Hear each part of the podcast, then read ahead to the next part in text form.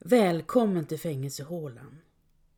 Här synar jag gamla kriminalfall, eller very cold cases och även om jag dramatiserar en aning försöker jag hålla mig så nära sanningen som möjligt. Brotten som jag tar upp är både kända som okända och spänner över det mesta, från fylleri till mord. Idag återvänder jag till ett tidigare avsnitt där dagens händelse spelade en underordnad roll. Det här är berättelsen om bonden Jonas Persson i Nyby, några mil väster om Umeå. Den 2 oktober 1845 besökte en rad ledamöter från Umeå häradsrätt en skogsdunge utanför byn Flurkmark, två mil norr om Umeå. Med sig hade det 20-årige bondsonen Anders Gustav Jonsson från samma by som redan erkänt mordet på en knalle från Småland och som satt fängslad. Men vissa saker som knallen burit med sig vid mordet saknades fortfarande och Anders Gustav Jonsson hade gått med på att peka ut föremålen med en egen önskan om att få komma till länsfängelset i Umeå och dela utrymme med Jonas Persson från Vännäs. Citat. Denna förskräckliga människa. Under vallningen pekade Anders Gustav Jonsson ut var knallens saker fanns och var så uppfylld av förhoppningar om att få flyttas till länsfängelset och möta Jonas Persson att han knappast var mentalt närvarande. Citat. Detta moraliska missfoster. Slutcitat. Anders Gustav Jonsson och Jonas Persson hade aldrig träffats tidigare. Men Jonas Persson praktiserade en alldeles egen trosuppfattning som gick ut på att sättet hur en våldsgärning gått till saknade betydelse eftersom Kristus redan lidit för alla människors synders skull. Han vägrade ha med prästerskapet att göra och omvärlden förfasade sig och fördömde honom. Jonas Persson var tre år äldre än Anders Gustav Jonsson. Han var 24 år och bonde i byn Nyby utanför Vännäs, tre mil från Umeå. Han hade gift sig tidigt, vid 19, med Greta-Stina Olofsdotter som arbetat som piga på gården under en tid. Greta-Stina var åtta år äldre än han. Under de kommande åren hände en hel del i deras liv. De fick två söner och tog även över Jonas Perssons föräldragård i Nyby. I slutet av 1843 kom en ny piga till gården. 20-åriga Maria Margareta Jakobsdotter som arbetat för olika arbetsgivare sedan hon var 15 år. Det senaste hos en bonde i Mjösjö. Jonas Persson och Greta-Stina Olofsdotters två söner, Petrus och Jonas, var två och ett år gamla och framåt vårkanten 1844 kunde Greta-Stina konstatera att hon väntade barn nummer tre. Ungefär i samma veva, kanske lite senare, började Jonas Persson få starka känslor för den nya pigan på gården, Maria Margareta. Och till slut berättade han för henne att han ville gifta sig med henne, att han höll henne kär och att hans eget äktenskap inte var mycket att ha. Och Maria Margareta var med på noterna. Jo, hon skulle inte tacka nej till ett sånt erbjudande minsann. Men det var ju hur som helst bara en fantasi. I maj 1844 avled Jonas Perssons far, Per Nilsson. Och under sommaren hände det att Jonas Persson och pigan Maria Margareta var ute i arbete tillsammans. I juli månad, mitt ute i en hage, sa han till henne om jag inte var så rädd skulle jag berätta för dig vad jag tänker. Maria Margareta tyckte att han var fånig och sa att det kunde han väl säga ändå, även om han var rädd. Och då avslöjade Jonas Persson att han lekte med tanken att göra sig av med sin hustru så han kunde gifta sig med henne. Maria Margareta protesterade. Nej, sa hon och tyckte att det lät rysligt. Men när det var sagt stod Jonas Persson på sig och hävdade att han hade bestämt sig för att göra sig av med sin hustru oavsett om Maria Margareta ville gifta sig med honom eller inte. Någon gång i samma veva, kanske redan samma dag, gick det över en spång och Jonas Persson sa till Maria Margareta att han kunde ju dränka sin hustru. Och en stund senare att han kunde ju dränka sin hustru i samband med en klätvätt. Efter det här, när Jonas Persson uttalat sin kärlek och Maria Margareta svarat med intresse på hans förslag om ett senare äktenskap var de liksom förbundna. Ändå hade de väldigt olika bakgrund. Han hade alltid bott på gården. Han skulle alltid bo på gården. Hemmanet i Nyby var hela hans liv. Medan Maria Margareta var född i Jämteböle. Hon hade knappt alls bott hos sina föräldrar utan vuxit upp hos sin farfar och farmor, Erik Eriksson och Lisa Jakobsdotter i Jämteböle, som båda varit i 50-årsåldern när hon föddes. Från 15 års ålder hade Maria Margareta arbetat som piga först hos en färgare Strandberg i Umeå och efter det hos en bonde i Mjösjö innan hon kom till Jonas Perssons hus i Nyby. Hon hade många syskon.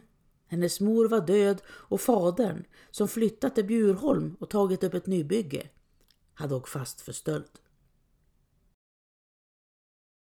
Det blev höst 1844. Maja-Stina Olofsdotters graviditet fortskred och Jonas Persson och Maria Margareta diskuterade allt oftare hur det skulle bära sig åt. Jonas Persson hade skadat sin fot ganska illa och låg till sängs. Han tillbringade flera veckor i sängen och bad Maria Margareta att hon skulle sluta upp bakom hans hustru medan hon var upptagen med en tvätt nere vid älven och bara puff, en lätt knuff, välta henne över bord och ner i vattnet. Hur Maria Margareta riktigt ställde sig till det framgår inte. Men det hände i alla fall ingenting. Och tiden gick. Den 15 oktober 1844 var en tisdag. Det var bak på gården. Greta-Stina Olofsdotter, pigan Maria Margareta och en rad andra kvinnor från granngårdarna knådade och gräddade tillsammans. Mot eftermiddagen började Greta-Stina Olofsdotter må dåligt. Hon var nu gravid i sjunde månaden, trött och tung, så hon lämnade baket och gick in i huset och kröp ner i sin säng.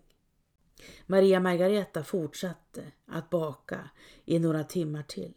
Sedan gick hon in till Greta-Stina Olofsdotter och ställde sig in till hennes säng och påminde henne om, utan att varken tjata eller kommendera, att djuren är fähuset. Det är hög tid att de blir skötta nu. Greta-Stina steg upp. Hon tog ett ljus och gick ut i kvällen. Hon gick inte klä på sig innan, utan var väl lite halvklädd när hon gick ut. Sedan tog det väl en god stund innan folket på gården började inse att Greta-Stina Olofsdotter försvunnit. Jonas Persson, som var på benen igen trots sin skadade fot, deltog i sökandet och man tillverkade krokar för att dragga i älven efter henne. Flera personer lade märke till att Jonas Persson uppträdde konstigt och verkade likgiltig. Det var som att han inte brydde sig om att hans hustru hade försvunnit.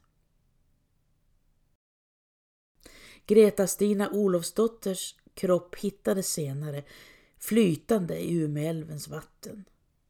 Och enligt den mediolegala obduktionen hade hon varit gravid i sjunde månaden när hon kvävdes under vattnet, alltså drunknade. Barnet levde fortfarande när hon dog och enligt läkaren Karl Hajs rapport låg barnet med huvudet vilande på höger arm. Den första som misstänkte Jonas Persson var hans mor, 55-åriga Maja Britta Jonsdotter. Hon hade uppmärksammat sin sons beteende mot sin hustru vid flera tillfällen och även förmanat och bråkat på honom. Och en gång under förra året hade Jonas Persson brusat upp och knuffat henne så illa att hon raglat in i en möbel. Han var visserligen full vid tillfället, men ändå. Maja-Britta Jonsdotter begrep genast hur det låg till. Och hon var övertygad om sonens skuld. Hon uppmanade honom att erkänna sitt brott. Länsman Gustav Nordström kom hem till dem i Nyby och till slut föll Jonas Persson till föga. Han grät hjärtskärande, men han började berätta. Älven rann alldeles nedanför deras hus. På eftermiddagen den 15 oktober rodde Jonas Persson över på andra sidan älven och hämtade en flotte som han förtöjde vid älvkanten nedanför sitt hus och väntade sedan in mörkret. När hustrun efter skymningen kom gående mot fähuset med ett ljus i handen slöt han upp in till henne och bad om hennes hjälp. Det hade fastnat någonting nere vid älvkanten, sa hon, om hon kunde hjälpa honom att få bort det. Greta-Stina lämnade ljuset och de gick ner mot vattnet. Det var mörkt i mitten av oktober. Greta-Stina böjde sig ut över det svarta vattnet, trevade efter det som fastnat. Samtidigt smög Jonas Persson upp bakom henne och puttade ner henne i vattnet. Vad han inte räknat med var att Greta-Stina skulle få tag i ledstången till flotten. Hon hivade sig upp ur vattnet och började springa bort mot huset. Jonas Persson med skadad fot satte efter henne. Greta-Stina var nästan framme vid gården när hon snavade och stupade framlänges. Hon reste sig upp igen men Jonas Persson var redan i kapp. Han fattade ett stadigt grepp om hennes hals och släpade tillbaka Greta-Stina ner mot vattnet igen. Hon bad för sitt liv under tiden. Hon bad säkert om sitt ofödda barns liv också. Och sa åt honom att han skulle besinna sig och släppa henne.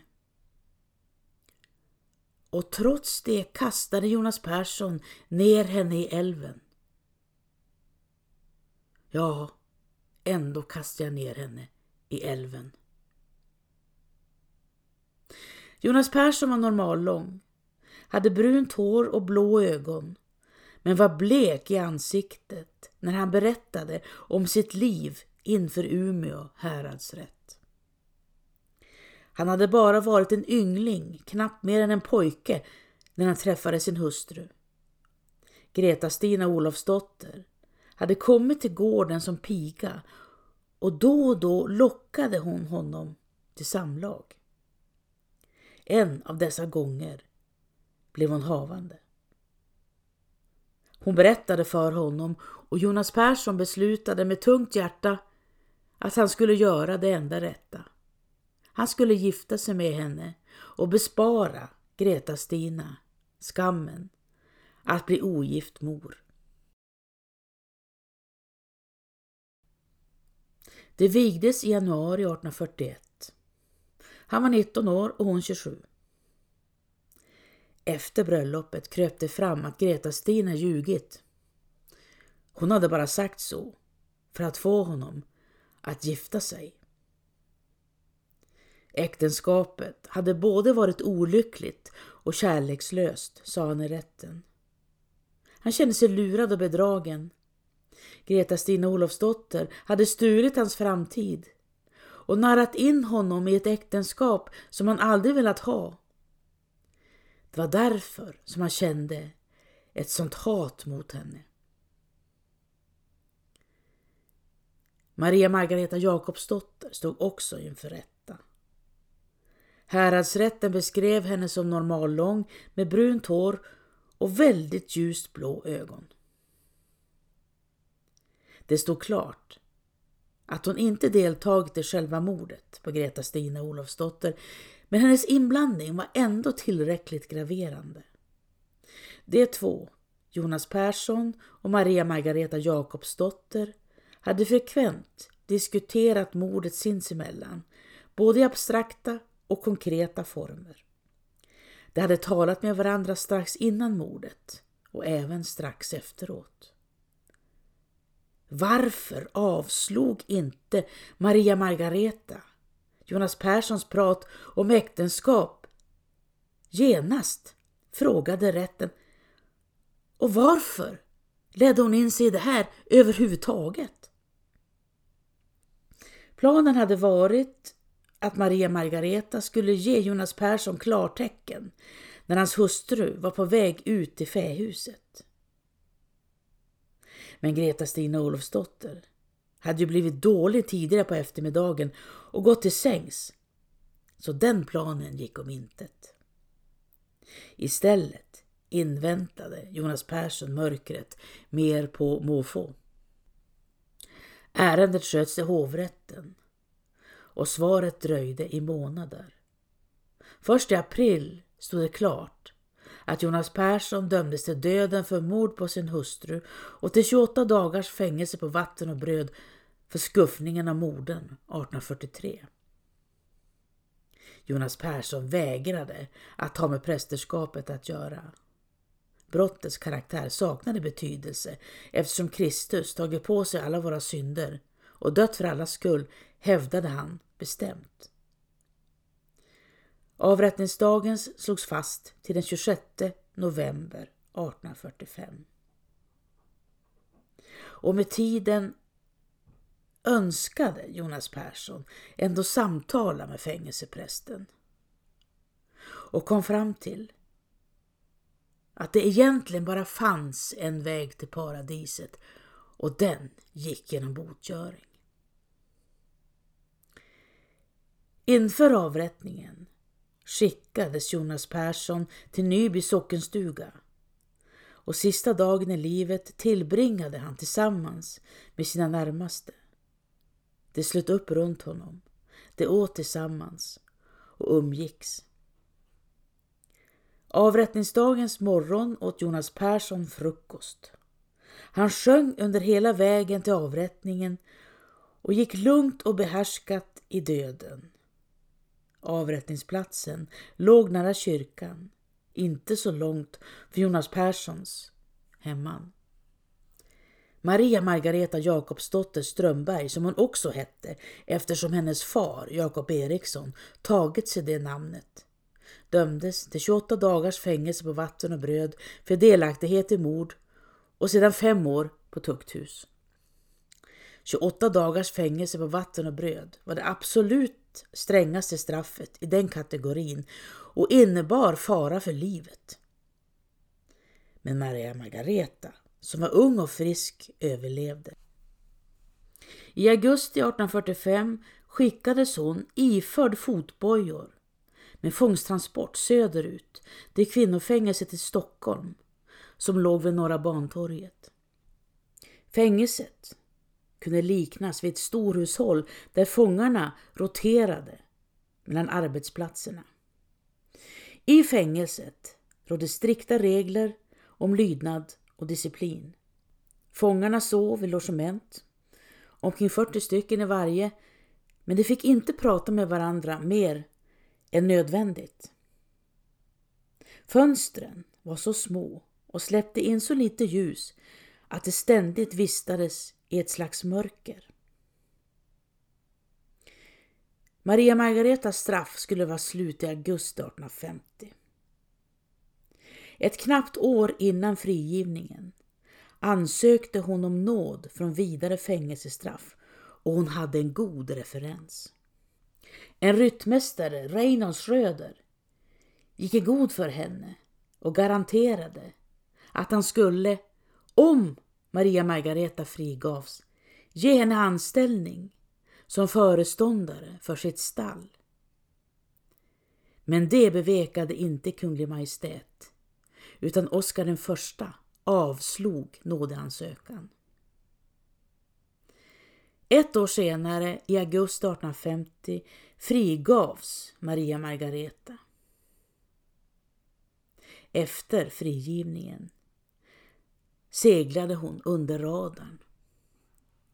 Hon folkbokfördes aldrig mer och hennes öden är okända. Jonas Persson är svår att förstå sig på. Han hyste ett starkt hat mot sin hustru. Han känner sig lurad och bedragen. Så långt är det begripligt. Men att putta en höggravid kvinna ner i älven, inte en gång utan två gånger, är svårt att tänka sig. Hans teologi om att brottets karaktär saknade betydelse handlade då mest om dödsångest. På domedagen ska alla döda väckas till liv igen och ställas till svars för sina handlingar. Och mördare, vad har det att vänta? I Dantes gudomliga komedi straffas mördarna i helvetets sjunde krets med att kokas i blod. Vad Maria Margareta tyckte eller kände är oklart. Det finns ingen uppgift om att hon skulle ha uttryckt sin kärlek till Jonas Persson. Kanske var hans känslor besvarade. Eller så såg Maria Margareta helt och hållet till sin egen vinning. Hon som alltid levt ett svajigt och otryggt liv. Men ändå, hon mötte Jonas Perssons hustru varje dag. Hon såg hans små barn varje dag. Att hon ens kunde med.